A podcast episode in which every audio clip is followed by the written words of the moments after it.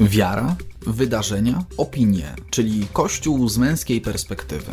Zapraszamy na kolejny odcinek serii Mężczyzna w Kościele. W opisie tego nagrania znajdziesz link do wersji wideo na naszej stronie drogaodważnych.pl. Szczęść Boże, szczęść Boże, witamy serdecznie. Michał Ziółkowski obok mnie. Jarosław Kumor, dzień dobry. Też przywitamy się po, Po e, franciszkowemu. po franciszkowemu i po świecku. Tak. Więc to już jest takie kościelne powitanie Kościelne właściwie. powitanie, Jak dzień mówisz dobry. dzień dobry, to mówisz tak jak w kościele.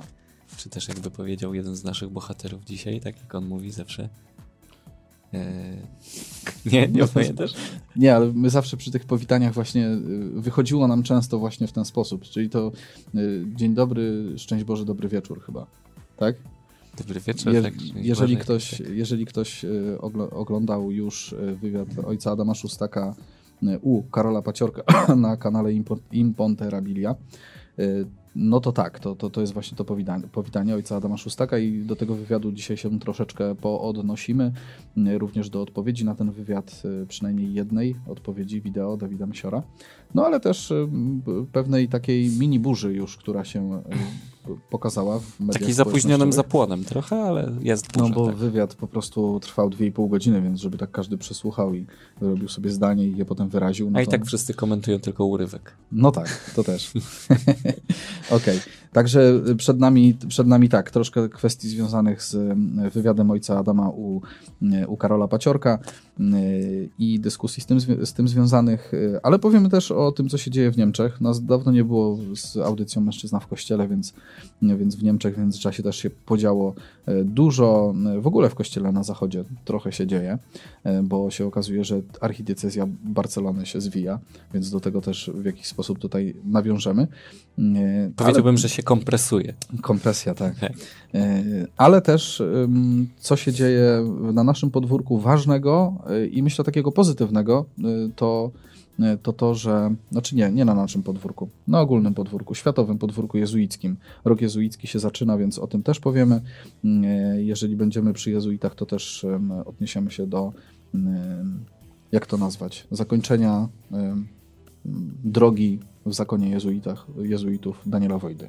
Tak, dobrze Tak. to ująłeś. Dobrze, ująłem dobrze. Więc do, do, tutaj też po, poruszymy ten temat. Daniel Wojda to twórca kanałów e, Pogłębiarka e, i tej inicjatywy e, ewangelizacyjnej, modlitewno-ewangelizacyjnej. Zmarł ksiądz Stanisław Orzechowski, więc dzisiaj też oddamy hołd zmarłemu wielkiemu duszpasterzowi akademickiemu, wielkiemu nie tylko e, w takim sensie przenośnym, ale też w sensie dosłownym.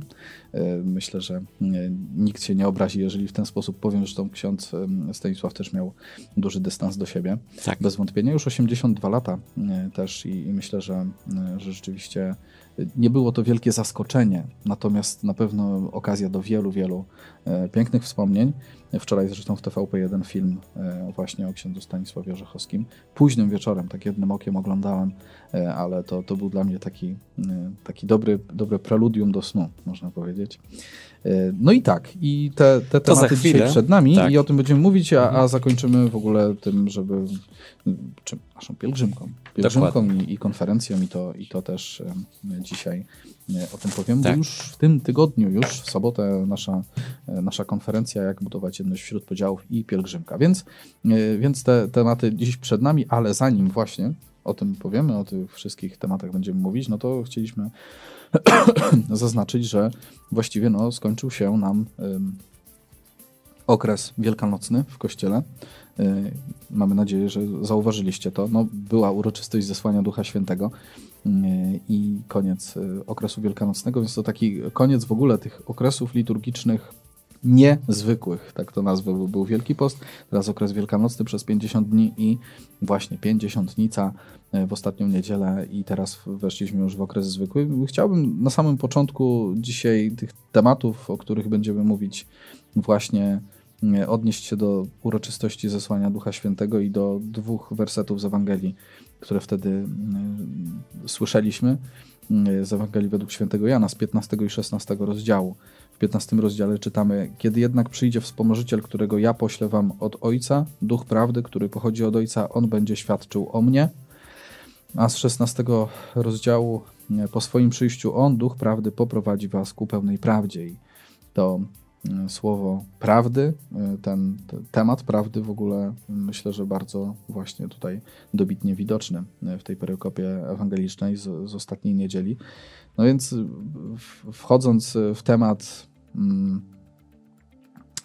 no, pewnego poszukiwania prawdy w tym, co mówił ojciec Szóstak w tym wywiadzie, za chwilę do tego przejdziemy i, i tego, z, jak, z, jakim, z jaką kontrą to się zaczyna spotykać, no to myślę, że to pojęcie prawdy tutaj jest potrzebne i nam, i w ogóle wszystkim, którzy jakoś są zaangażowani e, w dyskusję, nie tylko w, w, jakby w tym, na temat tego wywiadu ojca e, Adama i, i, jakby różnych kwestii, które tam były poruszone, tego czy się z tym zgadzamy, czy nie zgadzamy, ale w ogóle w pewnych dyskusjach e, i działaniach który dzisiaj w Kościele widzimy też w Kościele na Zachodzie. To rzeczywiście Duch Święty mm, wydaje się nam e, jeszcze bardziej potrzebny właśnie z, tym, z tą prawdą dziś.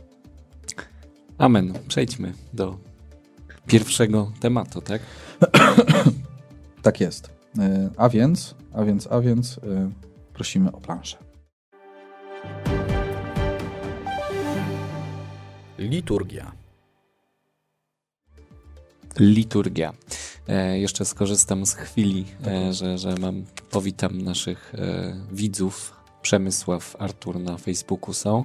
Z tego co widzę tutaj w komentarzach, przynajmniej oni są widoczni w komentarzach. Na YouTubie Jacek, Dawid, witajcie wszyscy. Cieszę mi się, że jesteście po tej dwutygodniowej przerwie, tak? Bo nie było nas dwa tygodnie. Ostatnio była debata o jedności z udziałem dziennikarzy. Mm, napiszcie, czy byliście, czy wam się podobała ta debata. Mm, ta rozmowa o jedności, o budowaniu jedności w kościele. No cieszymy się, że dołączacie w ogóle w trakcie mm, też, bo na początku y, były może trzy osoby, tu, tu i tam. Nie, to zawsze wiesz, szybko, że, szybko. Że, że, że, że poczekamy też, też chwilkę, mhm. tak, żeby, żeby też, też was przywitać, jak się też zbierzecie. Y, tak, liczymy na to, że też będziecie, y, jak zawsze, swoimi komentarzami też wzbogacać tą dzisiejszą naszą rozmowę. E, jeżeli chodzi o liturgię, bo dostaliśmy taki, e, taką planszę, a nie ukrywam, że chodziło mi o inną planszę akurat w tym przypadku. Liturgia to oczywiście zesłanie Ducha Świętego i na ten temat już trochę powiedzieliśmy, więc, e, więc tak, więc rzeczywiście Duch Święty myślę, że współcześnie, może do tego nawiążmy współcześnie Kościołowi, e, potrzebny to tak się łatwo mówi, ja tak myślę, że dzisiaj są takie czasy w ogóle w Kościele, że Duch Święty to jest nam, no tak, szczególnie potrzebny. Ja mam takie wrażenie, że jednak zawsze chyba w Kościele były takie czasy, że szczególnie był potrzebny Duch Święty. Tak i nawet właśnie ostatnio usłyszałem taką myśl, że e, Kościół daje się prowadzić duchowi, ale nie duchowi naszych czasów, nie idzie w sensie z duchem czasów, tym takim świeckim, postępowym, tylko idzie z Duchem Świętym. Mhm. To Duch Święty prowadzi Kościół, stąd też ten rozdźwięk e, nieraz między Kościołem, a między światem, o którym też dzisiaj będziemy mówić. Tak jest. Także Duch Święty cały czas jest obecny w Kościele, cały czas działa. E, co roku no, obchodzimy uroczystość zesłania Ducha Świętego, natomiast Duch Święty jest cały czas obecny. E, chociaż może trochę, nie wiem, mam takie wrażenie nieraz, że niedoceniany a może tak gdzieś zostawione na samym końcu, nie? Bo mamy Boga Ojca, mamy Syna mhm. Bożego i to nam przychodzi trochę naturalnie, bo tak. Syn Boży mm, zszedł na ziemię, tak, został człowiekiem, więc mogliśmy go spotkać w sposób namacalny. Bóg Ojciec, no to e, intuicyjnie wyczuwamy, kto to jest, to jest Stwórca wszystkiego, tak? E, natomiast Duch Święty jest nieuchwytny.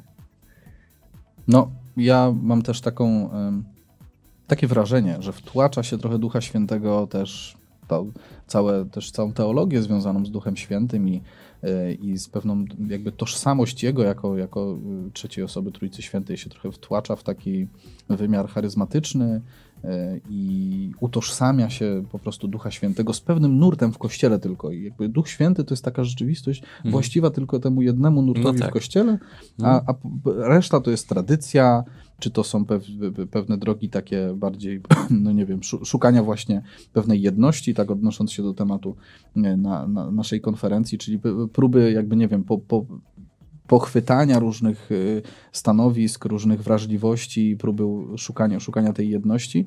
Natomiast no, ja, ja mam takie poczucie, że rzeczywiście, y, żeby dojść do etapu relacji z Duchem Świętym, to po prostu no, musisz być już tak rozwinięty duchowo, w tym sensie, że rzeczywiście jakoś uczestniczysz w jakiejś formie, nie wiem, charyzmatycznej takiej obecności w kościele i jakby wtedy, tak, to wtedy to jesteś otwarty na Ducha Świętego, nie?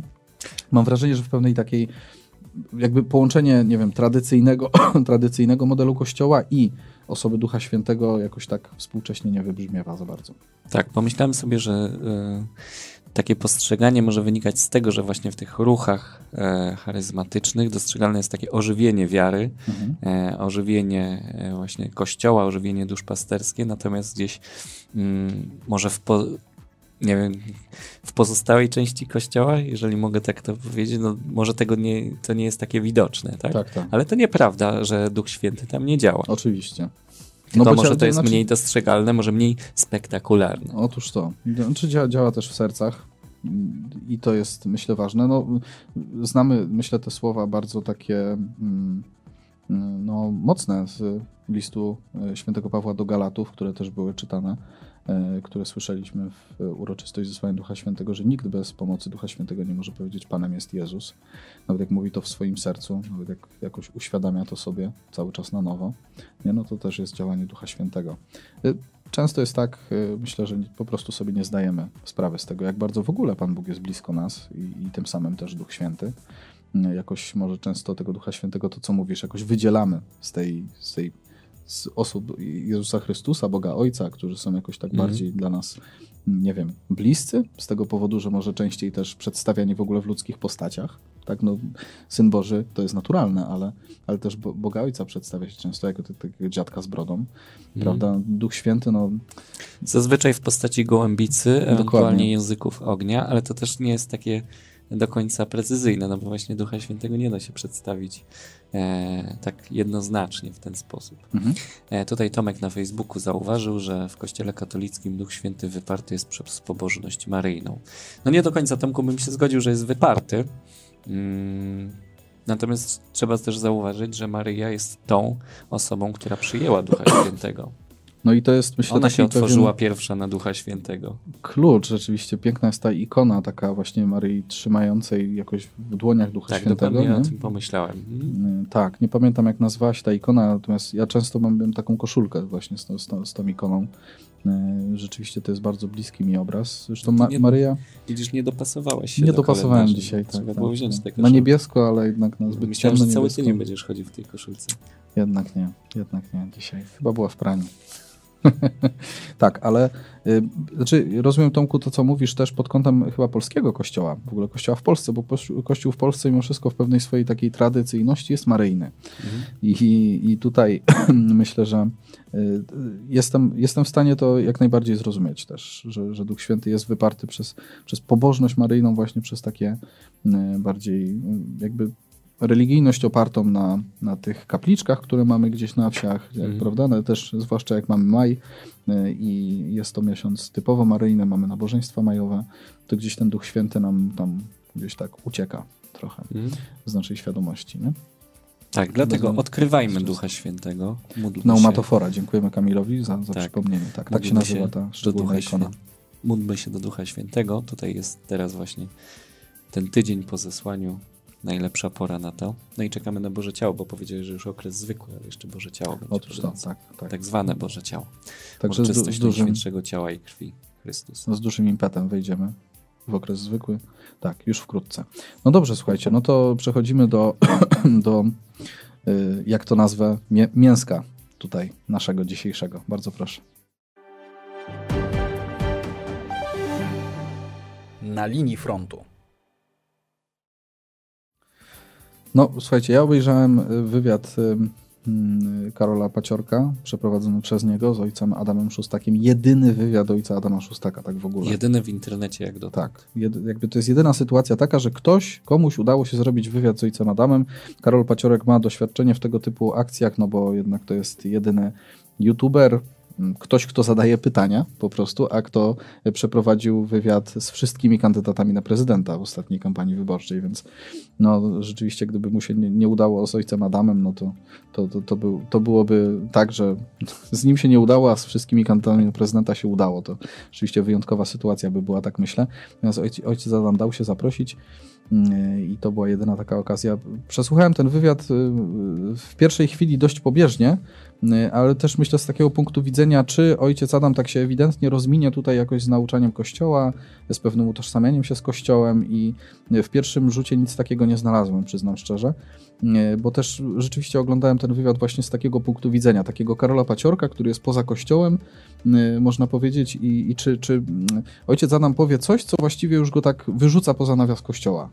Nie? I, i, i myślę, że jakby nic takiego nie znalazłem w tym sensie, że też mm, jakby jeżeli ktoś zna sposób mówienia, sposób wyrażania się ojca Adama Szustaka, no to e, wie, że to jest dużo skrótów myślowych, dużo e, takiego mówienia trochę prowokacyjnego, e, czegoś, co później trzeba tłumaczyć. Jak się słucha ojca Adama, to często w ogóle zauważa się takie coś, że o tu za chwilę mnie ci posądzą o to, a ci posądzą o to, coś ojciec Adam powie i za chwilę jeszcze to tak wyjaśnia, doprecyzowuje w jakiś sposób. Tutaj tego tak dużo nie było, pewnego takiego doprecyzowania jakichś kwestii. E, bardziej myślę, że ojciec Adam jednak jechał po bandzie. Z punktu widzenia teraz kogoś, kto jest mocno w kościele, jak spojrzymy, kogoś, kto, kto Mm, no właśnie, trudno to tak określić, y, no bo kto, kto jest jakoś mocno w centrum kościoła. No nie wiem, no z, z, punktu widzenia, no myślę, osoby, która jest bardzo mocno zakorzeniona po prostu w nauczaniu kościoła katolickiego i mocno z kościołem się utożsamia, y, dużo stwierdzeń mogło być skandalicznych. Tak genera generalnie, zanim przejdziemy do pewnych kwestii, zapraszamy Was do tego, żeby ten wywiad sobie przesłuchać. Spokojnie można to zrobić na przyspieszeniu.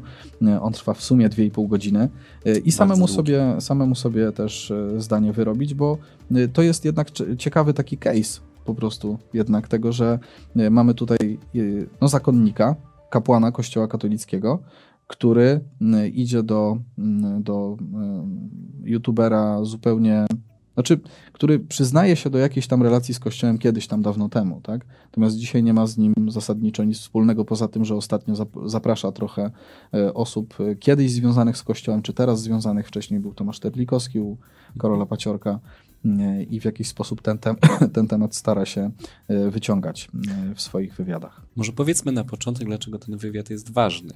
Mhm. Tak, bo już powiedziałeś tutaj, że jest to jedyny wywiad z ojcem Szustakiem tak. w internecie. E, natomiast ten wywiad jest ważny z tego względu, że spotykają się e, no, dwaj e, youtuberzy, dwaj celebryci, powiedzmy, takiego e, YouTube'owego świata, za którymi podąża bardzo dużo osób. Za ojcem Szostakiem podąża liczne grono fanów, można powiedzieć, e, langusty na palmie, e, osób, które kształtują swoją duchowość w oparciu o nauczanie ojca Szostaka. Natomiast no, wywiady Karola Paciorka ogląda też dużo osób. E, nie pamiętam ile on ma subskrypcji, ale na pewno kilkaset tysięcy, tak? Mhm. Tutaj Piotrze nam możesz powiedzieć, jak, jak znajdziesz gdzieś te dane. E, no, sam wywiad ma teraz już e, ponad pół miliona wyświetleń, co jak, na tak, co jak na tak długi wywiad to e, jest bardzo dużo. Ale to też pokazuje, tutaj że zobacz, pokazuje 250 tysięcy prawie. Wyświetleń jest już niedługo pewnie będzie trzy razy więcej niż subskrypcji samego kanału, tak? Tak, tak. To też jest symptomatyczne. No właśnie, no mechanizmy YouTube'a działają, te, te dwie publiczności się łączą. Natomiast te osoby, te dwie osoby, tych dwóch rozmówców e, mają bardzo realny wpływ na, na życie duchowe tych ludzi. Znaczy życie duchowe. No, Karol Pacierek nie wiem, czy na życie duchowe, ale na pewno na taki światopogląd, na e, patrzenie na świat, sposób patrzenia na świat. Ma. Bez wątpienia dla Langustowiczów, którzy myślę, że gremialnie oglądają ten materiał, tak, ten materiał będzie miał wpływ na ich życie duchowe w jakiś sposób. No bo jednak jeżeli się mm.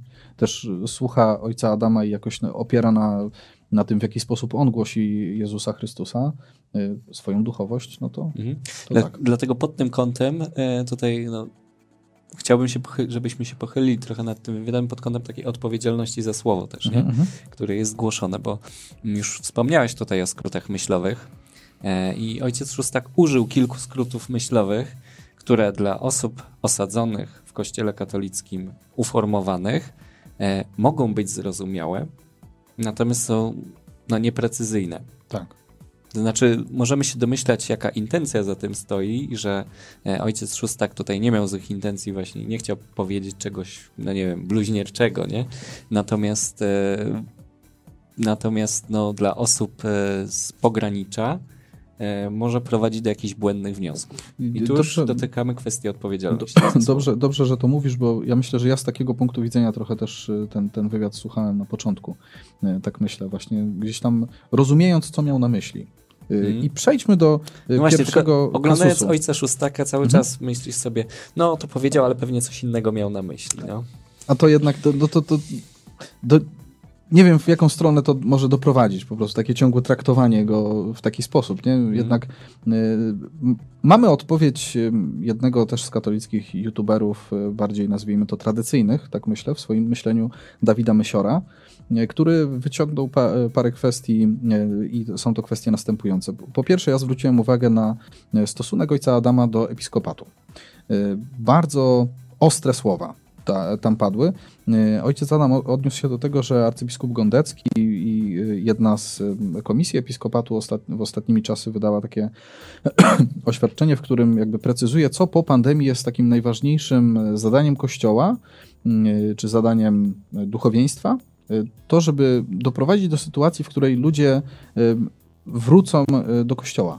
Po prostu Mhm. zaczną chodzić ponownie do kościoła, y, Wrócą kiedy do skończą się, kościołów. skończą tak? się te dyspensy i tak dalej, i tak dalej. Więc jakby ojciec Adam przedstawia to w taki sposób, że to jest y, główne oczekiwanie biskupów, że ludzie po prostu przyjdą do kościoła, niezależnie od tego, co by mieli w tym kościele robić. Mhm. Tak, tak, to, tak to ojciec Adam y, Przy czym nie, przedstawia. nie precyzuje dokładnie, co mu się nie podoba akurat w tym Mhm. stwierdzeniu. No tak. E, I tutaj no, możemy się domyślać, dlaczego, że, że według ojca Szóstaka Kościół w Polsce powinien mieć inne priorytety, no ale Mhm. tego wprost nie mówi. No tak. Natomiast mówi w innym miejscu tego wywiadu, że dla niego jedynym biskupem, tak naprawdę może jednym z dwóch, ale nie precyzuje, który drugi taki biskup jest w polskim episkopacie, natomiast jedynym biskupem dla niego wartym y, jego uwagi jest ojciec, jest y, arcybiskup Grzegorz Ryś y, i myślę, że to już jest takie stwierdzenie, które może wielu zgotować, naprawdę. Nie, no tak. bo jednak jeżeli mamy pasterzy, jeżeli mamy tych, którzy są jakoś w sukcesji apostolskiej, no to tutaj mamy stwierdzenie, które jednak stawia ich, no, że oni są niewarci dla nas uwagi, jako, jako dla wiernych. No to jednak rzeczywiście mm, można się zastanowić głęboko nad takim stwierdzeniem. No tak, no dlatego ojciec Szóstak tutaj jedzie po bandzie, jak to określiłeś. E, no, trudne te słowa, dla mnie też osobiście były trudne, jak e, kiedy słuchałem tego wywiadu. No bo krytyka może też być wyrażana z miłością, e, przy czym trzeba zauważyć, że ta krytyka jest wyrażana wobec osób, które no, gdzieś są na pograniczu kościoła albo już z niego odeszły. Mhm. Więc to też nie wiem, czy to jest dobre miejsce na to, żeby taką krytykę właśnie w takim miejscu mm, wypowiadać w ten sposób. E, Bo od razu pojawiają się pytania, no czy w takim razie ojciec Szóstak chce się tu komuś przypodobać? Mhm. Czy w jakiś sposób chce się przypodobać, przypodobać tej publiczności e, u Karola Paciorka? No i tutaj znowuż wchodzi e, w grę e, taki charyzmat duszpasterski ojca Szóstaka, no bo on działa na pograniczu, on Tak, działa tak, na tak. peryferiach, on działa wśród ludzi, którzy są luźno związani z kościołem, czy też w ogóle gdzieś z tego kościoła odeszły wcześniej. Ja rozumiem tego typu sposób wypowiadania się jako pewne wyjście naprzeciw tych ludzi Tak. w jakiś Mhm. sposób, nie? I ja mogę się tylko tego domyślać, że później, w dalszym etapie, nie wiem, jakichś rozmów duchowych, czy pewnego skierowania później e, p- osób, które były na pograniczu, docelowo mają nie być na pograniczu, mają być w kościele, skierowania ich jednak, no nie wiem, do innych kaznodziejów, innych duszpasterzy, e, w jakieś inne środowiska, e, które będą z kolei już formować bardziej w taki sposób twardy, tak to nazwę. E, No, mm, nie wiadomo, czy tak ma być, czy taki jest tego cel do końca, nie? Ja mogę się tego domyślać, natomiast tak jednak y, konkretnie nie, nie jestem w stanie stwierdzić, że tak, tak ma być na pewno i taki jest cel sposób, takiego Mhm. sposobu wyrażania się przez ojca Adama. Myślę, tutaj powstaje pytanie o taką tożsamość człowieka wierzącego u, u ojca Szóstaka, bo wiadomo, że wychodząc do ludzi, próbując ich pozyskać też dla Chrystusa, często mm, trzeba przyjąć pewien język, którym się posługują. E, Natomiast pytanie, czy właśnie w tym, e, w takiej trosce, bo myślę, że to jest troska, pewne takie właśnie szukanie ludzi e, u ojca Szóstaka, nie, nie posuną się po prostu za Mhm. daleko e, ojciec Szóstak. Tam też padają takie stwierdzenia, bo mówimy, jakby w internecie teraz zaczął krążyć jeden fragment właśnie o, do, dotyczący Mhm. episkopatu, Tak, tak. e, ale tam padają też takie stwierdzenia, że e, no właśnie, skróty myślowe że e, święci nie są potrzebni do zbawienia. Tak. W sensie święci kanonizowani. Nie wiem, czy to Dawid Mysior jakoś wyciąga na, na światło, powiedzmy, y, i tym się zajmuje stwierdzeniem, ale rzeczywiście. Tak. Że w ogóle też. hierarchia papież nie są potrzebni do zbawienia. Tam ojciec Szóstek w pewnym momencie mówi, że no, dla mnie mogłoby ich nie być, tak? Czyli Jan Paweł II y, y, jako osoba, no, jako papież de facto, on po prostu też ojciec Adam używa tego stwierdzenia, dla mnie Jan Paweł II, no jakby ja jemu nic nie zawdzięczam właściwie, chyba w Tak, ten sposób to padło. I mówi tak? to od siebie, mówi Mhm. subiektywnie bardzo, natomiast no, mówi to jako też duszpasterz. I w tym sensie no, może wielu ludzi tak wprowadzić w jakieś zamieszanie, e, w jakąś konfuzję, no bo no ale to co, to w takim razie odrzuca to nauczanie, czy nie odrzuca, nie? No i wiesz, to jest takie stwierdzenie, z którym tak naprawdę, no bo to po co powiedziałeś, powiedział to od siebie. Tak naprawdę, żeby być w kościele i żeby być, no nie wiem, osobą wierzącą po prostu, no to tak naprawdę, no nie musisz tego czerpać od Jana Pawła II. Możesz powiedzieć coś takiego i to cię nie wyklucza z kościoła, no bo dlaczego by miało wykluczać, nie? Natomiast no pytanie, co za takim stwierdzeniem jednak idzie? Co się dzieje w ludziach, którzy słuchają takiego człowieka, który jest dla nich jednak autorytetem też, nie? Mhm. No to, to, to, jest, to jest druga rzecz, pewna odpowiedzialność za słowa tutaj. No dla mnie znamienne było to, że Karol Paciorek, który ten wywiad przeprowadzał, nieraz zwracał uwagę ojcu Adamowi, że, e, że on właśnie jest w kościele katolickim, że Mhm. działa w kościele katolickim i niejako jest jego częścią, tak? I myślę, że on sam był zaskoczony, w jaki sposób tutaj ojciec Adam e, formułuje swoje tezy, Mhm. Stawiając się tak bardzo na granicy. Czytamy wasze komentarze. E, Grzegorz Kaczyński e, napisał wcześniej, że e, bardzo brzydko w tym wywiadzie ojciec Szóstek wypowiada się o biskupach, trochę jak ludzie upierający się mówić na ty do księży. No to już powiedzieliśmy Mhm. właśnie o tym fragmencie. Jako katolik mam kochać strajk kobiet, mimo że głęboko się z tym nie zgadzam, więc kapłan, nie zgadzając się z biskupami, powinien podchodzić również z szacunkiem. Bardzo celna uwaga, myślę. Mhm. Mhm. No właśnie. Tomek, chodzenie do kościoła, czyli frekwencja. Frekwencja nie powinna być priorytetem bez pogłębiania wiary i świadomości. Myślę, że to, mówi ojciec, to co mówi ojciec Szóstek, wyraża frustrację dużej liczby wiernych, którzy patrzą na to, co się dzieje obecnie w kościele. E, działania episkopatu, klerykalizm, pedofilia. I ja też myślę, że to wyraża ojciec Szóstak. Natomiast, no właśnie, my możemy się domyślać, co on wyraża. To Mhm. też nie zostało doprecyzowane i myślę, że to jest ważne, że nie zostało doprecyzowane. Tak. Chociaż sama forma wywiadu też była taka mm, dla mnie trudna. Dlatego, że ja właśnie słuchając tego wywiadu, czekałem na wyjaśnienie tych tez, które ojciec Adam stawia, tak? Tymczasem ojciec Adam te tezy e, rzucał, e, rozwijał jakąś dygresję często, po czym następowało inne pytanie i ten wątek na przykład nie został należycie wytłumaczony, dla mnie należycie wytłumaczony, w taki sposób, który nie budziłby wątpliwości. E, więc e, no, ta rozmowa dla mnie była taka trochę szarpana mm, pod kątem takiego przeskakiwania z tematu na temat. Tam wiele wątków, no przez 2,5 godziny, no to naprawdę e, dużo wątków się przewinęło. I no, zastanawia mnie, no, jakie owoce przyniesie ten wywiad. Mhm. Tak? Tak? mam wrażenie, że to było kilka bomb takich po prostu wrzuconych, czy granatów z opóźnionym zapłonem, odpalonych, nieskomentowanych do końca, e, które w, no, wygląda na to, że wywołają reakcję. Na razie Dawid Mysior się wypowiedział, e, ale myślę, że to du- dużo, dużo dyskusji e, się odpali. E, Zobaczymy, e, którzy kolejni youtuberzy będą się odnosić do tego wywiadu, e, czy do różnych kwestii w nim poruszonych. Zobaczymy. To, No to Twitter już się ciekawi. odpalił, właśnie Mhm. po tygodniu od wywiadu, ale Twitter już, już zaczął e, właśnie komentować to wystąpienie, głównie właśnie pod kątem krytyki episkopatu.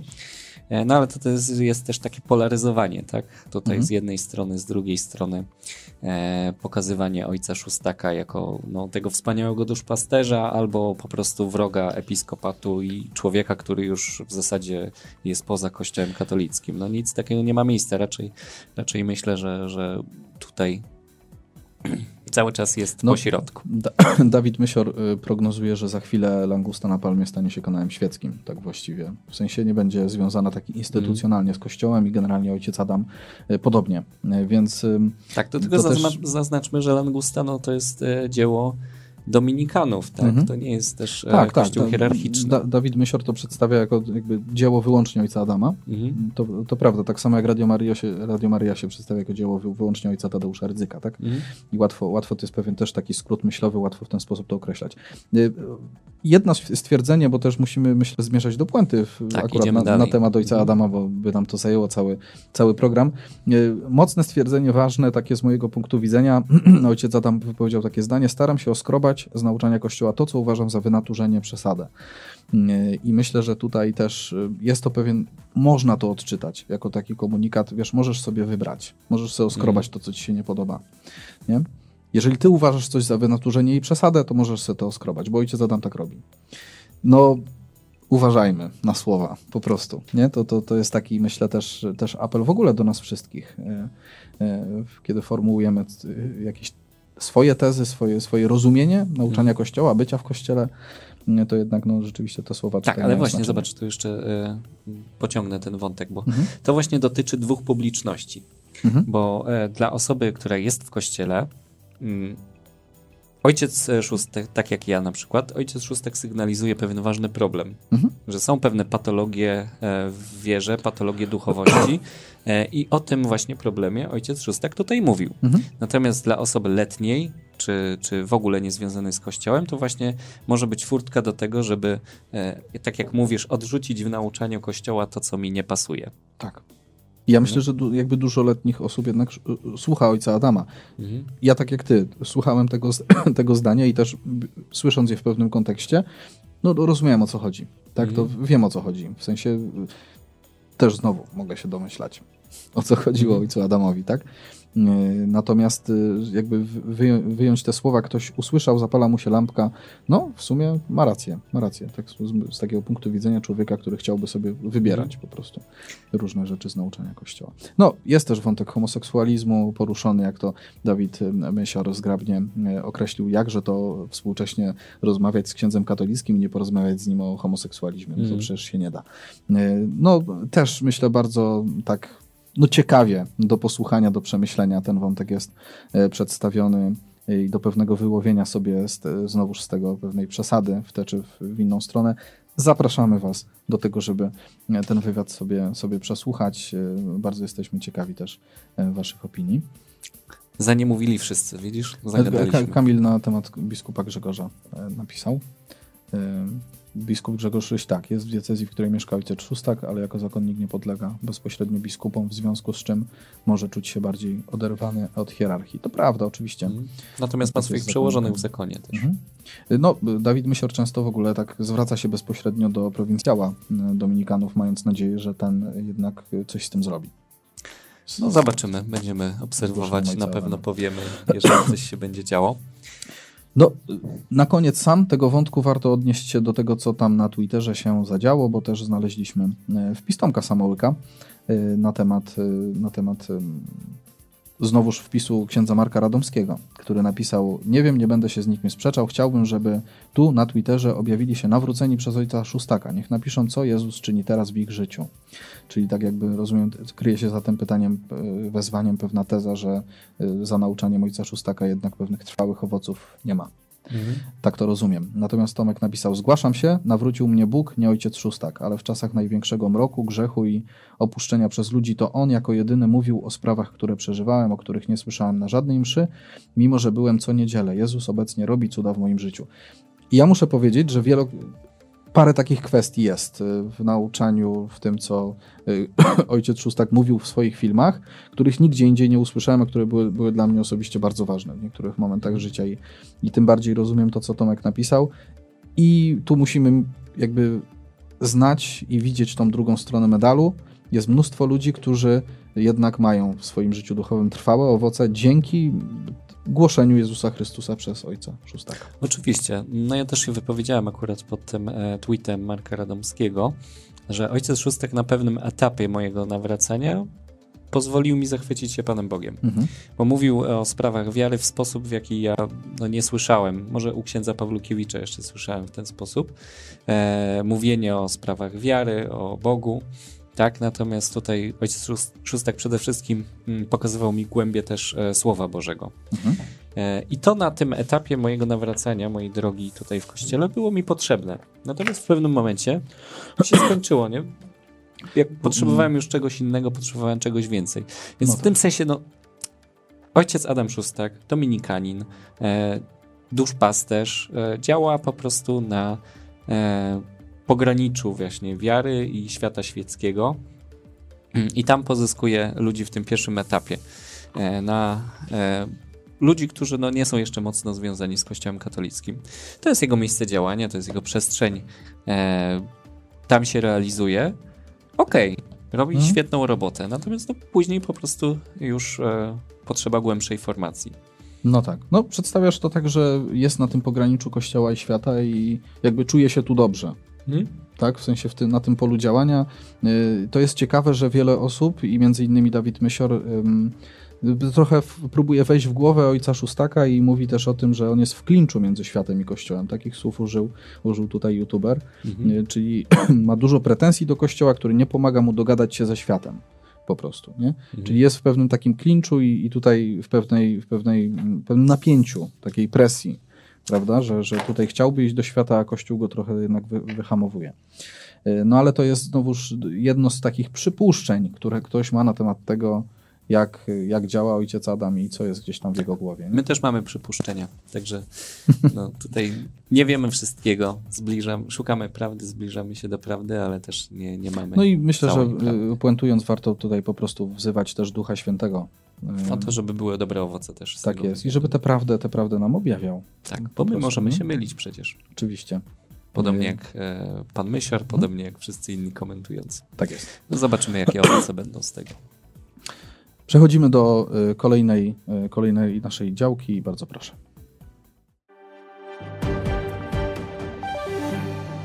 Kość niezgody.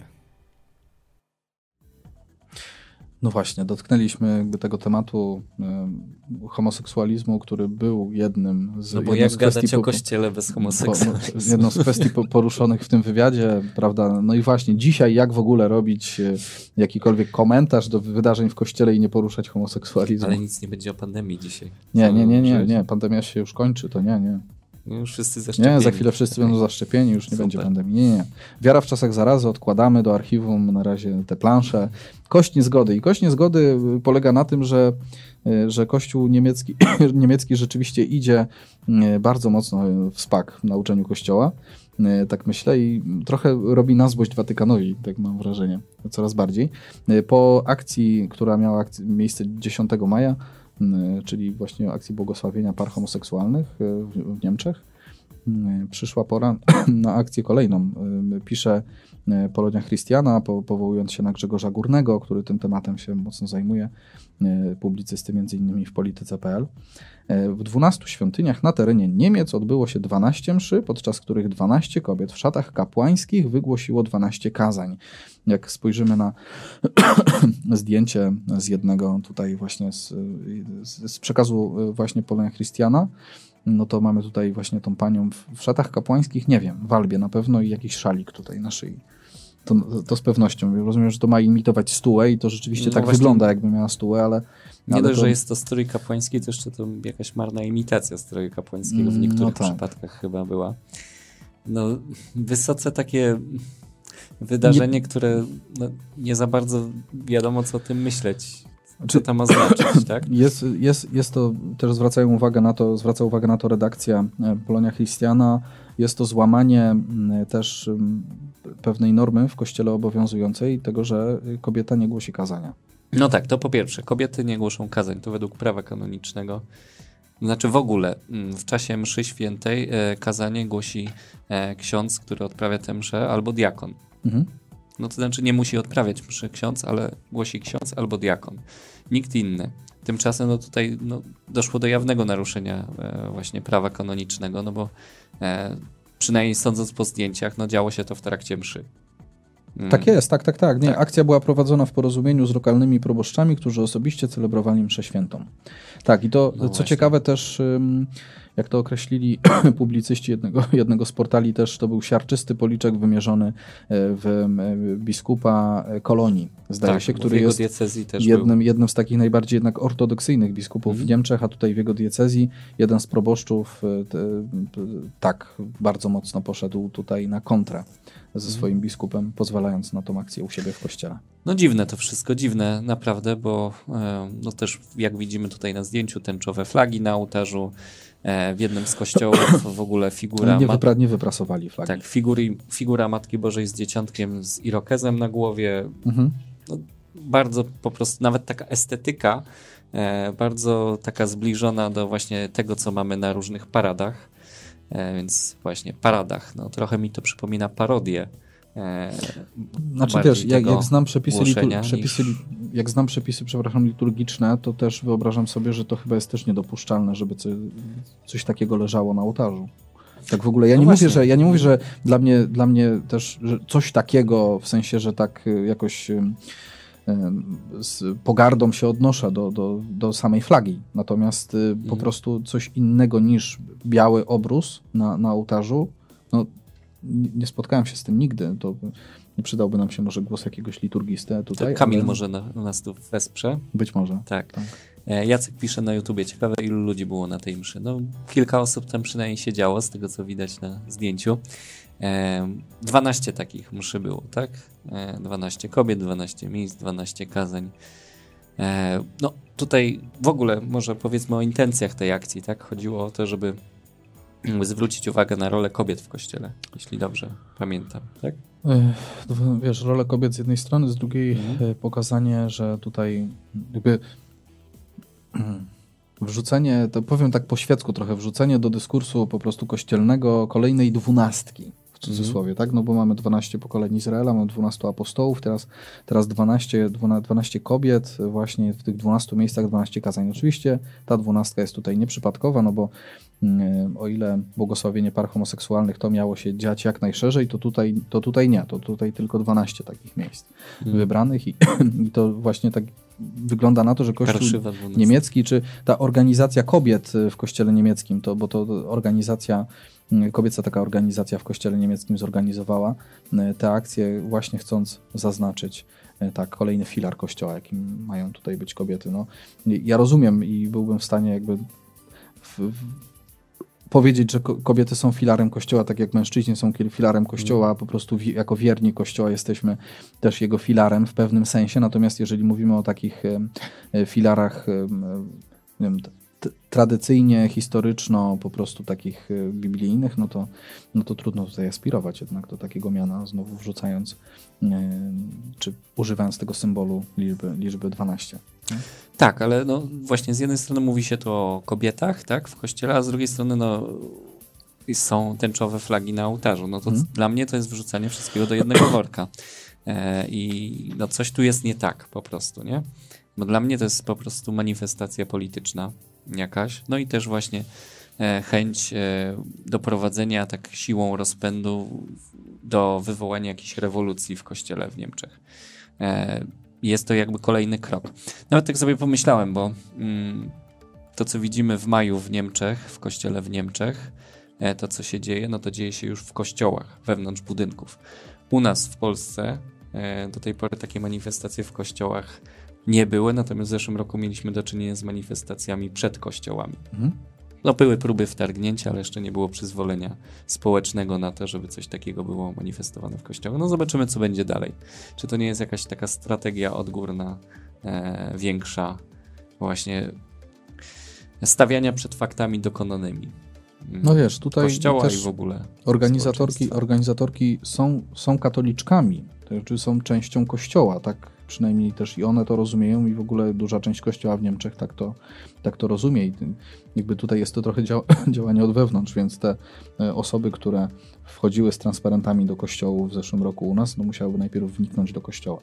Tak Mhm. myślę i, to, i wtedy, i wtedy, i wtedy organizować coś takiego. Tak bym to widział. No tak, no nic, będziemy się przyglądać kościołowi w Niemczech. Z coraz większymi oczami otwartymi.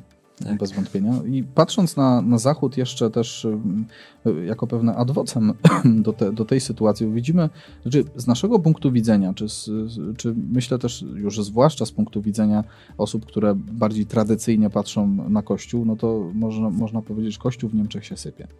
Y, I z drugiej strony też tak materialnie można powiedzieć, Kościół w Katalonii się sypie. Bo mamy no tak. diecezję, diecezję e, barcelońską i i mamy informację, że podaną przez portal Aleteja, że zamierza ona zlikwidować 160 spośród 208 dotychczasowych parafii.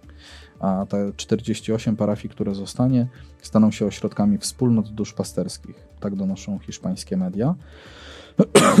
I stopniowo będą też zamykane te kościoły, które utracą status parafialnych. Możliwa jest również ich sprzedaż. I, i te, te, tego się słucha też z takimi bardzo, znaczy z ciężkim sercem, tak myślę. Y, ciekaw jestem, jakby czym to poskutkuje, bo to jest tak, że tak, donoszą media, y, mówi się o tym i tak dalej. Powodem tych posunięć zawartych w planie arcybiskupa Barcelony, kardynała Juana Jose Omeli, jest utrata wiernych. Ma ona według mediów związek z dekadami nacjonalizmu katalońskiego w lokalnym kościele, czyli jakiś taki mariaż y, kościoła z władzą w Hiszpanii, tak przynajmniej takie, takie są tutaj spekulacje. No i oczywiście ograniczenia związane z pandemią się na to nałożyły, pewnie w jakiś sposób to e, przyspieszyły. E, natomiast no, Katalonia w ogóle jest chyba takim rejonem mocno lewicowym, więc to też jest, myślę, ważne. Tam mamy najmniejszy odsetek e, katolików, jak spojrzymy na różne prowincje hiszpańskie, no bo bodajże 55%. I to też pytanie rzeczywiście, jaki to jest katolicyzm. Bo w Polsce też możemy powiedzieć, że 90% czy 95% Polaków jest katolikami.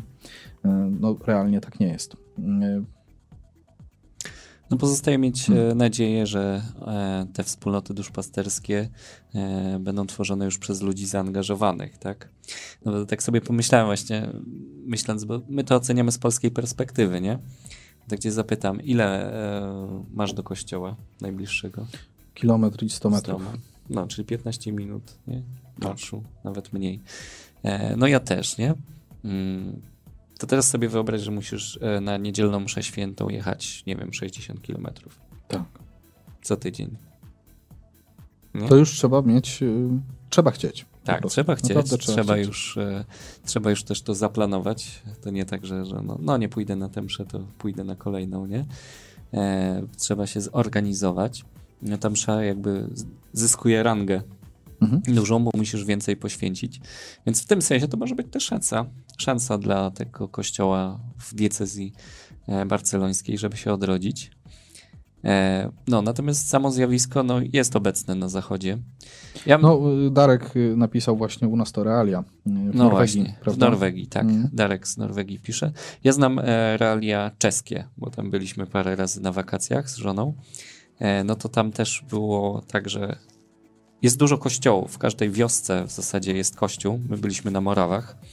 E, natomiast e, msze święte są raz w tygodniu w tym kościele i to przyjeżdża jeden ksiądz proboszcz, który gdzieś tam obsługuje kilka właśnie takich kościołów, czy kilkanaście nawet. Przyjeżdża raz w tygodniu na taką mszę, a w niedzielę tylko gdzieś tam jedną czy dwie msze odprawia w, w jednej miejscowości. Mhm. I tak wygląda funkcjonowanie kościoła e, właśnie katolickiego w Czechach tym momencie. Więc tu myślę, że w podobnie, podobnie będzie teraz właśnie wokół Barcelony, w okolicach Barcelony. No pytanie, czy to jest trend, który gdzieś się rozszerzy na całą Hiszpanię? Jarek też. Tyle w Norwegii jeżdżę. 60 km w jedną no, stronę. No, już trafiłeś. Tak.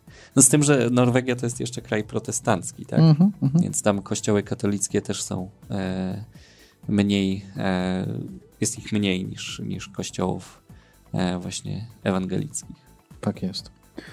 No zobaczymy, zobaczymy jak będzie się to wszystko nam na zachodzie rozwijać. My zwracamy uwagę na dwie sytuacje. E, tą bardziej głośną w Niemczech, tą mniej głośną myślę w Hiszpanii. Natomiast dwie myślę dość e, ważne z punktu widzenia tego, jaka jest przyszłość, jaka stoi przyszłość Kościoła na zachodzie i czy my rzeczywiście jakoś tą drogą e, pójdziemy, bo też często się mówi, że rzeczywiście widzimy to, co się dzieje na zachodzie i to za chwilę przyjdzie u nas, nie wiem, za 20 lat będzie podobnie. No, nie wiemy, jak będzie za 20 lat. To też wybrzmiało w trakcie naszej debaty ostatniej, że to może pójść w bardzo, bardzo różne strony jednak e, też przyszłość Kościoła w Polsce, więc myślę, że też nie warto tutaj kategoryzować, natomiast warto jak najbardziej patrzeć e, na to, co właśnie na Zachodzie się e, dzieje i z tego wyciągać wnioski tu i teraz. Tak, a propos przyszłości Kościoła w Polsce, to ostatnio, przechodząc już do tematu konferencji trochę mhm. naszej, mm, nagrywaliśmy mm, konferencję E, tarnowskiego biskupa pomocniczego, mm, biskupa Artura, Artura Ważnego, Ważnego, tak? Mhm. Dobrze powiedziałem, tak. pamiętam. No właśnie, i tenże biskup e, tam wspomniał, że, że właśnie no, e, w tym roku w seminarium mamy tylko stu kleryków, nie? No. My słysząc to, no, uśmiechnęliśmy się, bo stu kleryków, no to może i w całej Polsce w seminariach no, ale się swego, swego czasu w Tarnowie na pewno na pierwszy tak. rok przychodziło stu kleryków, nie? No teraz właśnie na pierwszy rok. A teraz przyszło tak. na pierwszy rok. A, teraz okay. na pierwszy nie, rok to, przyszło to, to, stu kleryków. To ja nie mam tak. pytań. To nie na, mam co, pytań. na co właśnie biskup, e, biskup ważny odpowiada, no no to jest różnica, no bo normalnie przy, w poprzednich latach było po 300-400 na pierwszym mhm. roku. No tak. No właśnie, więc mamy ten kryzys też e, powołań. Mm. Tarnów jest trochę taką wyspą. Tak, Tarnów jest taką wyspą, która właśnie jest zawsze, e, zawsze zawyża te statystyki powołaniowe. E, natomiast też, e, też dotykają te decyzje różne procesy e, właśnie obecne w kościele. Mm, no i może być też tak, że no w Polsce e, niedługo będzie brakować kapłanów, e, księży po prostu i też będą księża musieli obsługiwać po kilka parafii na raz. Mhm, tak jest. Także no, jest to całkiem realna e, przyszłość. Zobaczymy, czy, czy coś się tutaj zmieni. Od nas też dużo zależy, w jaki sposób ten w kościele nasza obecność będzie. Tak jest. Nim przejdziemy do wydarzeń, bardzo prosimy, aby zaanonsować to planszą 3-4. Wydarzenia. W normalnych e, programach publicystycznych najpierw są informacje, a potem jest komentarz. U nas był najpierw komentarz, teraz będą informacje. Uwaga. E, zanim powiem też o konferencji, chcieliśmy zwrócić Waszą uwagę na parę wydarzeń bardzo istotnych, no bo to, co ważne, zmarł ksiądz Stanisław Orzechowski. Jeżeli ktoś jest z Wrocławia, to w ogóle nie musimy tłumaczyć, o kogo chodzi. Jeżeli ktoś w jakiś sposób też słuchał w swoim życiu różnych konferencji, kazań, rekolekcji duszpasterzy akademickich, to na księdza Orzecha pewnie natrafił. natrafił. 82 lata, legenda wrocławskiego duszpasterstwa. Wczoraj o 22.50 był film w, o księdzu Orzechu, też zrobiony przez naszego znajomego Damiana Żurowskiego. W, film dokumentalny o księdzu Orzechu, myślę bardzo mocno pokazujący jego taki wymiar e, ojcowski wobec studentów i pewne takie, no właśnie, bycie blisko ze studentami, blisko w ogóle z ludźmi, z małżeństwami, z tymi, którzy, którzy jako studenci też się poznawali, wchodzili w małżeństwa. Pokazywanie wymiaru takiego e, życia jakby to powiedzieć, normalnego, codziennego.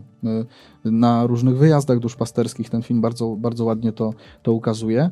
Y, I też y, samą tożsamość tego człowieka, który był bardzo naturalny, bardzo emocjonalny, ale bardzo naturalny w pewnym takim, w pewnych rozmowach z ludźmi, nazywaniu po imieniu, ich przypadłości. Jedna z dziewczyn dzieliła się, że przyszła po bodaj tam pięciu czy sześciu latach małżeństwa z potrzaskaną relacją małżeńską opowiedziała o tym. Była druga w nocy, więc ksiądz Orzech taki zaspany e, powiedział może dwa czy trzy zdania e, pewnego podsumowania tego, co ona powiedziała i ona już wiedziała, co ma robić i za chwilę rzeczywiście ta relacja się też wyprostowała, tym się dzieliła. Więc to pokazuje swego rodzaju wielkość tego człowieka. E, ja pamiętam jedną kwestię, nie miałem okazji spotkać go nigdy osobiście, ale jedną kwestię, e, którą on powiedział i która bardzo mocno mi zapadła w pamięć, kiedyś nawet napisałem na ten temat jakiś tekst, o krzyżu w kościele. I o tym, że wchodzimy jako ludzie często do kościoła, klękamy w ławkach, widzimy krzyż, i tutaj sobie ziewamy, tutaj coś y, robimy i jakby patrząc na krzyż potrafimy ziewnąć. Jakby wydaje się to jakieś takie, nie wiem, no prozaiczne pod tym względem, że no słuchaj, no może ci się chcieć spać w kościele i nawet jak patrzysz mm. na mhm. krzyż, to może ci się chcieć ziewnąć, ale, ale on taką swoją niesamowitą emocją, takim gniewem, bo to był naprawdę taki Boży gniew. On to powiedział w takich emocjach, y, jakby widać było pewien autentyzm, że to nie jest jakieś udawane, fałszywe, że naprawdę y, wykrzyczał to, jak można patrzeć na krzyż i sobie ziewać, nie? Y, no od tej pory bardzo się pilnuję. Nie ziewasz. Nie ziewam. Powstrzymuję. Znaczy też widzę w sobie może pewne takie jednak lekceważenie, szukam go w sobie po prostu wtedy jakoś automatycznie, nie? Kiedy widzę, że i to jest jedna sprawa, ale druga jakby spojrzenie zupełnie w nowy sposób na sam krzyż, na śmierć Pana Jezusa na krzyżu, no na tak. to, czego dokonał. Mm. Więc ksiądz Orzech miał taką, taką umiejętność zwracania uwagi na ważne teologicznie rzeczy w taki prosty ludzki sposób. Dokładnie. Przejdźmy dalej. Tak jest. Też czas nas nagli. Czas nas nagli. Chcieliśmy, zanim o konferencji, to też o jezuitach, bo u jezuitów trochę się dzieje. W, takim, w takiej mikroskali, powiedzmy, najpierw może Daniel Wojda nie będzie jezuitą. Czy już nie jest, tego nie wiem, ale... Nie będzie, nie będzie. Był nie klerykiem. Będzie. Był klerykiem i znamy go z kanału Pogłębiarka na YouTubie i aplikacja mobilna również, portal internetowy, jeżeli dobrze pamiętam. nie znałem e, Daniela Wojdy e, wcześniej i też nie interesowałem się specjalnie tym, e, jak działa, dlatego myślałem, że on jest kapłanem w ogóle. Mhm. I kiedy usłyszałem, że odchodzi z jezuitów, to było to dla mnie takie. No, czy to mnie wtedy zainteresowało? Natomiast jeżeli to jest kleryk, no to ma to mniejszy taki powiedzmy kaliber. Tak to nazwę chyba, prawda? Tak, kaliber mniejszy, dlatego że on cały czas był w procesie rozeznawania swojego powołania. Mm. U jezuitów trwa to dłużej niż e, gdzie indziej. No, ten okres takiego przygotowania do przyjęcia w ogóle święceń to trwa kilka, czy nawet około 10 lat. Mm. To już nieraz po 30 właśnie klerycy przyjmują święcenia. No tutaj do przyjęcia święceń nie doszło. Tak, tak rozeznali przełożeni. Mm, Daniela Wojdy, tak wynika z komunikatu który został opublikowany przez e, prowincjała jezuitów. Tak. E, no, natomiast sam kanał będzie działał dalej, bo też dostaliśmy e, zapewnienia o współpracy mm, jezuitów z Danielem Wojdą i przyjaciółmi, mhm. bo to oni tworzą ten kanał. Więc tutaj dla mnie najważniejsze jest to, że dobre rzeczy będą trwały dalej bo ten kanał naprawdę jest fajny. Jest prowadzona nawet codziennie chyba adoracja Najświętszego Sakramentu na żywo na Facebooku e, i na YouTubie e, z komentarzem, mm, też utrzymana w takiej duchowości ignacjańskiej. E, no, jest to Boże dzieło i warto, żeby się rozwijało. Także tutaj mnie to cieszy, że, że pomimo jakby tego, że taka droga e, życiowa Daniela Wojdy się zmienia, to jednak to Boże dzieło będzie kontynuowane. My widzimy zresztą po tym filmiku też, że to nie jest dla niego łatwe. No nie jest. I też myślę, że warto się modlić o to, żeby też emocjonalnie e, potrafił przez to przejść. Mhm. Kanał ma dużo subskrybentów, to jest duża społeczność, dlatego my też o tym mówimy. Coś ważnego się dzieje po prostu w mediach społecznościowych katolickich. Nie? Mhm. To, to, to, to myślę, że jest istotne. Y, dużo, dużo osób jakoś też jest skupionych wokół tego dzieła y, i, i wokół Chrystusa przez to dzieło. Tak, Więc... swoją drogą jezuici bardzo dobrze też e, zakomunikowali tę wiadomość. Tak? To jest ważne, tak. Bo poza tym, że e, nagrał film e, Daniel Wojda sam, w którym powiedział o tym, że jest taka decyzja jego przełożonych, to mamy też oświadczenie prowincjała, który też e, tutaj ucina jakieś spekulacje na ten temat. Jest w samym tym filmie Daniela Wojdy też e, komentarz e, księdza, który działa też w Pogłębiarce, Mieczysława Łusiaka, mhm. jezuity, który też mówi, że no tutaj wszystko zostaje po staremu w tym sensie, że dalej to, to dzieło będzie prowadzone. Także komunikacyjnie też bardzo dobrze. Tak Jezuici tak na piątkę. na piątkę, a jeżeli jesteśmy przy piątce, to 500 lat mija odkąd y, Ignacy, święty Ignacy z Loyoli, y, hmm, jak to powiedzieć, kula armatnia strzaskała mu nogi. O, 20, 20 maja 1521 roku to się stało. Dlaczego o tym mówimy? No właśnie, mija od tego 500 lat i mamy rok jubileuszowy e, w zakonie jezuitów. I tu mówimy o jezuitach w takiej makroskali, króciutko. E, rok ignacjański potrwa do 31 lipca 2022 roku e, i w tym czasie w wszystkich kościołach, w których posługują jezuici, możemy uzyskać odpust zupełny przez cały, ten, przez cały ten czas. Jakie są warunki, to sprawdzamy sobie e, w sieci, łatwo jest do tego dotrzeć e, i wszystkie kościoły jezuickie, jeżeli, macie obok siebie, to możecie nazdobywać odpustów. Czyli w Warszawie na przykład Bobolanum. Tak jest. Znaczy Bobolanum to jest uczelnia, e, ten e, Ale- kościół ale na Rakowieckiej. na, na Rakowieckiej, Tak, tak. jezuitów. Czy Sanktuarium Matki Bożej Łaskawej na Starym Mieście. Mhm, tak jest. Także bardzo ważna, piękna sposobność. I to zaznaczamy i przechodzimy do naszej konferencji, bo to już ile? No Cztery? właśnie. Pięć dni? Cztery Tak, dni? tak. Tak by No było. właśnie, bo co robicie w sobotę, powiedzcie? Napiszcie w komentarzu, Napiszcie co w tam porabiacie. Co tam porabiacie w sobotę. Ciekawi jesteśmy, ilu spośród nas jest już zapisanych tak swoją drogą, ale to nie jest żaden sprawdzian, spokojnie. No właśnie, mamy już skompletowany skład e, konferencji nagranych. Tak. Tak, już wszyscy nasi goście nagrali konferencję, e, także my je teraz już przygotowujemy, tak ostateczne szlify im nadajemy i są już w zasadzie gotowe na, na to wydarzenie. E, konferencja o jedności, o budowaniu jedności w wielu wymiarach, w wielu przestrzeniach, mm, bo tak naprawdę jedność to nie jest coś, co się ogranicza do jednego wymiaru, tylko mając jedność w jednym wymiarze, e, to powoduje, że, że też tę jedność budujesz w innych wymiarach. I zaczynamy od siebie samych, tak? Poprzez relacje małżeńskie, rodzinne, e, relacje we wspólnotach, relacje w kościele czy w społeczeństwie, tak? Tak Wszyscy- jest. Aż po relacje wśród chrześcijan też, prawda? Tak, wśród, wśród chrześcijan. No jeszcze relacja z Panem Bogiem, tak?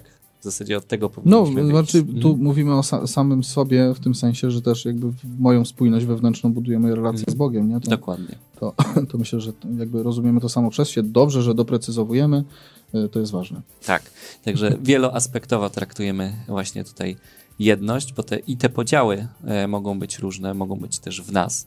Jak budować jedność wśród podziałów? To jest hasło tej konferencji. Już za trzy dni tutaj nam Piotrek pokazuje licznik, e, który e, biegnie, biegnie cały czas, więc jeżeli jeszcze cztery- się nie cztery dni. zapisaliście, to Mhm. serdecznie zachęcamy do tego. Może powiedzmy, kto będzie. Proszę bardzo. Nie pamiętam. Powiedziałeś już o biskupie Arturze Ważnym. Będzie też prowincjał e, kapucynów warszawskich, brat e, Łukasz Woźniak. Łukasz Woźniak. tak. Natomiast e, to, to- jeżeli chodzi o kapłanów, natomiast będzie, będą też bracia Golec, bracia Golcowie, Łukasz i Paweł Golec. Oni będą mówić o swoich relacjach rodzinnych, też w zespole Golec Orkiestra, bo to jest te rzeczywistości się akurat u nich przenikają i zespół, i rodzina. Mają duże grono bliskich bardzo, którzy są w ich, w ich gronie rodzinnym, są, są też w zespole. No, jeżeli mówimy o duszpasterzach, to mamy też duszpasterza z nie kościoła katolickiego, z kościoła metodystycznego, czyli pastora Piotra Gąsiorowskiego, który jest, co ciekawe, doktorem teologii systematycznej i kończył ją na Uniwersytecie Papieskim Jana Pawła II. E, Więc też myślę, że e, w pewnym, w pewnym, no nie wiem jak to określić, ale jakby myślę, że jest pole do rozmowy. Tym bardziej, kiedy, kiedy widzimy, że rzeczywiście nasz gość też w takich środowiskach katolickich się kształcił. Więc, więc tak, więc tutaj to grono duszpasterskie też widzimy. Yy, Łuka, brat Łukasz Woźniak, biskup Artur Ważny, pastor Piotr Gąsiorowski Tak, tutaj przedstawiłeś ludzi e, z kościoła, i braci Golec. I braci też z Golców. kościoła. Też z kościoła, oczywiście. E, będą jeszcze z nami e, Monika i diakon Marcin Gajdowie, terapeuci chrześcijańscy, też znani e, bardzo w środowisku psychologów chrześcijańskich w Polsce, e, którzy też przetarli wiele szlaków tutaj pod tym względem w Polsce. E, oni akurat właśnie będą mówić o takiej relacji, o jedności małżeńskiej.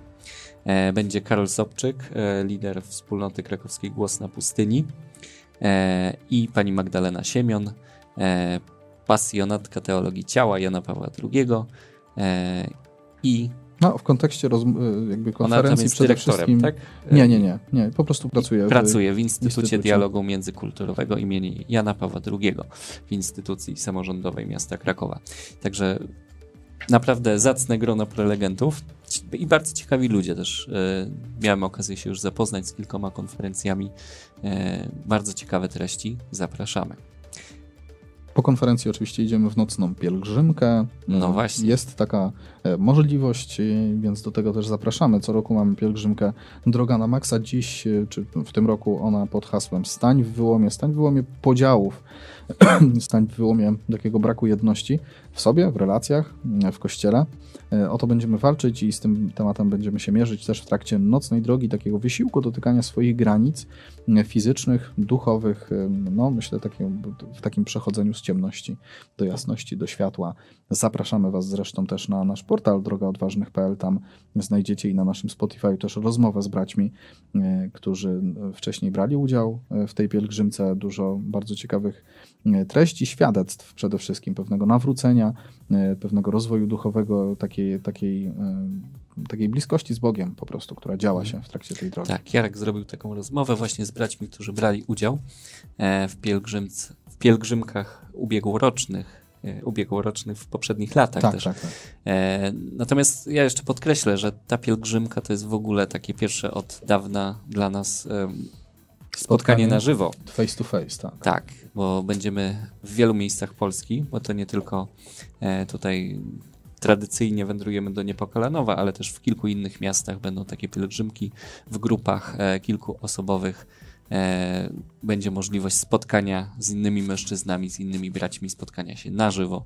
Także zapraszamy, jest jeszcze szansa się zapisać. Tak jest. Treści, a treści dzisiaj pełno wszystkiego. Możemy jeszcze oczywiście powiedzieć o tym, że mamy po konferencji 10 czy 12 tygodniowy nawet program formacyjny. E, gdzie będziemy ten, ten temat jedności e, też zgłębiać. Oczywiście nie zostawiamy go tylko w, w, w ramach konferencji, ale będzie się to działo też jakoś w naszych sercach dalej. Dla tych, którzy będą chcieli wziąć udział w grupach Mastermind, to taka możliwość też będzie. Także ten temat jedności, szukanie jedności wśród podziałów będziemy dalej zgłębiać. Tak, a jeżeli byście chcieli jeszcze posłuchać trochę o jedności w małżeństwie, to jutro Otóż to. Wieczorem jest debata, to znaczy nie debata, to jest w zasadzie konferencja, tak? Chyba e... nawet tak to nazwano jako debata. Debata, okej. Okay. Tak. Par e, z naszej wspólnoty, z Drogi Odważnych. E, oczywiście mężczyźni są z Drogi Odważnych, ze swoimi małżonkami tutaj wystąpią, e, będą prowadzić właśnie tę debatę o jedności małżeńskiej. Tak Także jutro wieczorem, zdaje się o 20. E, Piotrze. Tak, Piotrek potwierdza o 20 jutro na naszych kanałach. Zapraszamy. E, możecie ten wieczór też wspólnie z żoną obejrzeć tę e, debatę. Tak jest, trochę się pozastanawiać nad mm. swoją jednością wewnątrz małżeńską.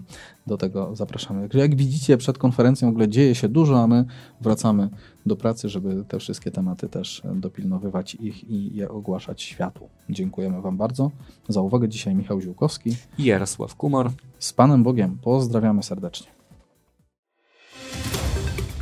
Słuchałeś odcinka serii Mężczyzna w Kościele. Jeśli chcesz nas poznać bliżej, zapraszamy na drogaodważnych.pl.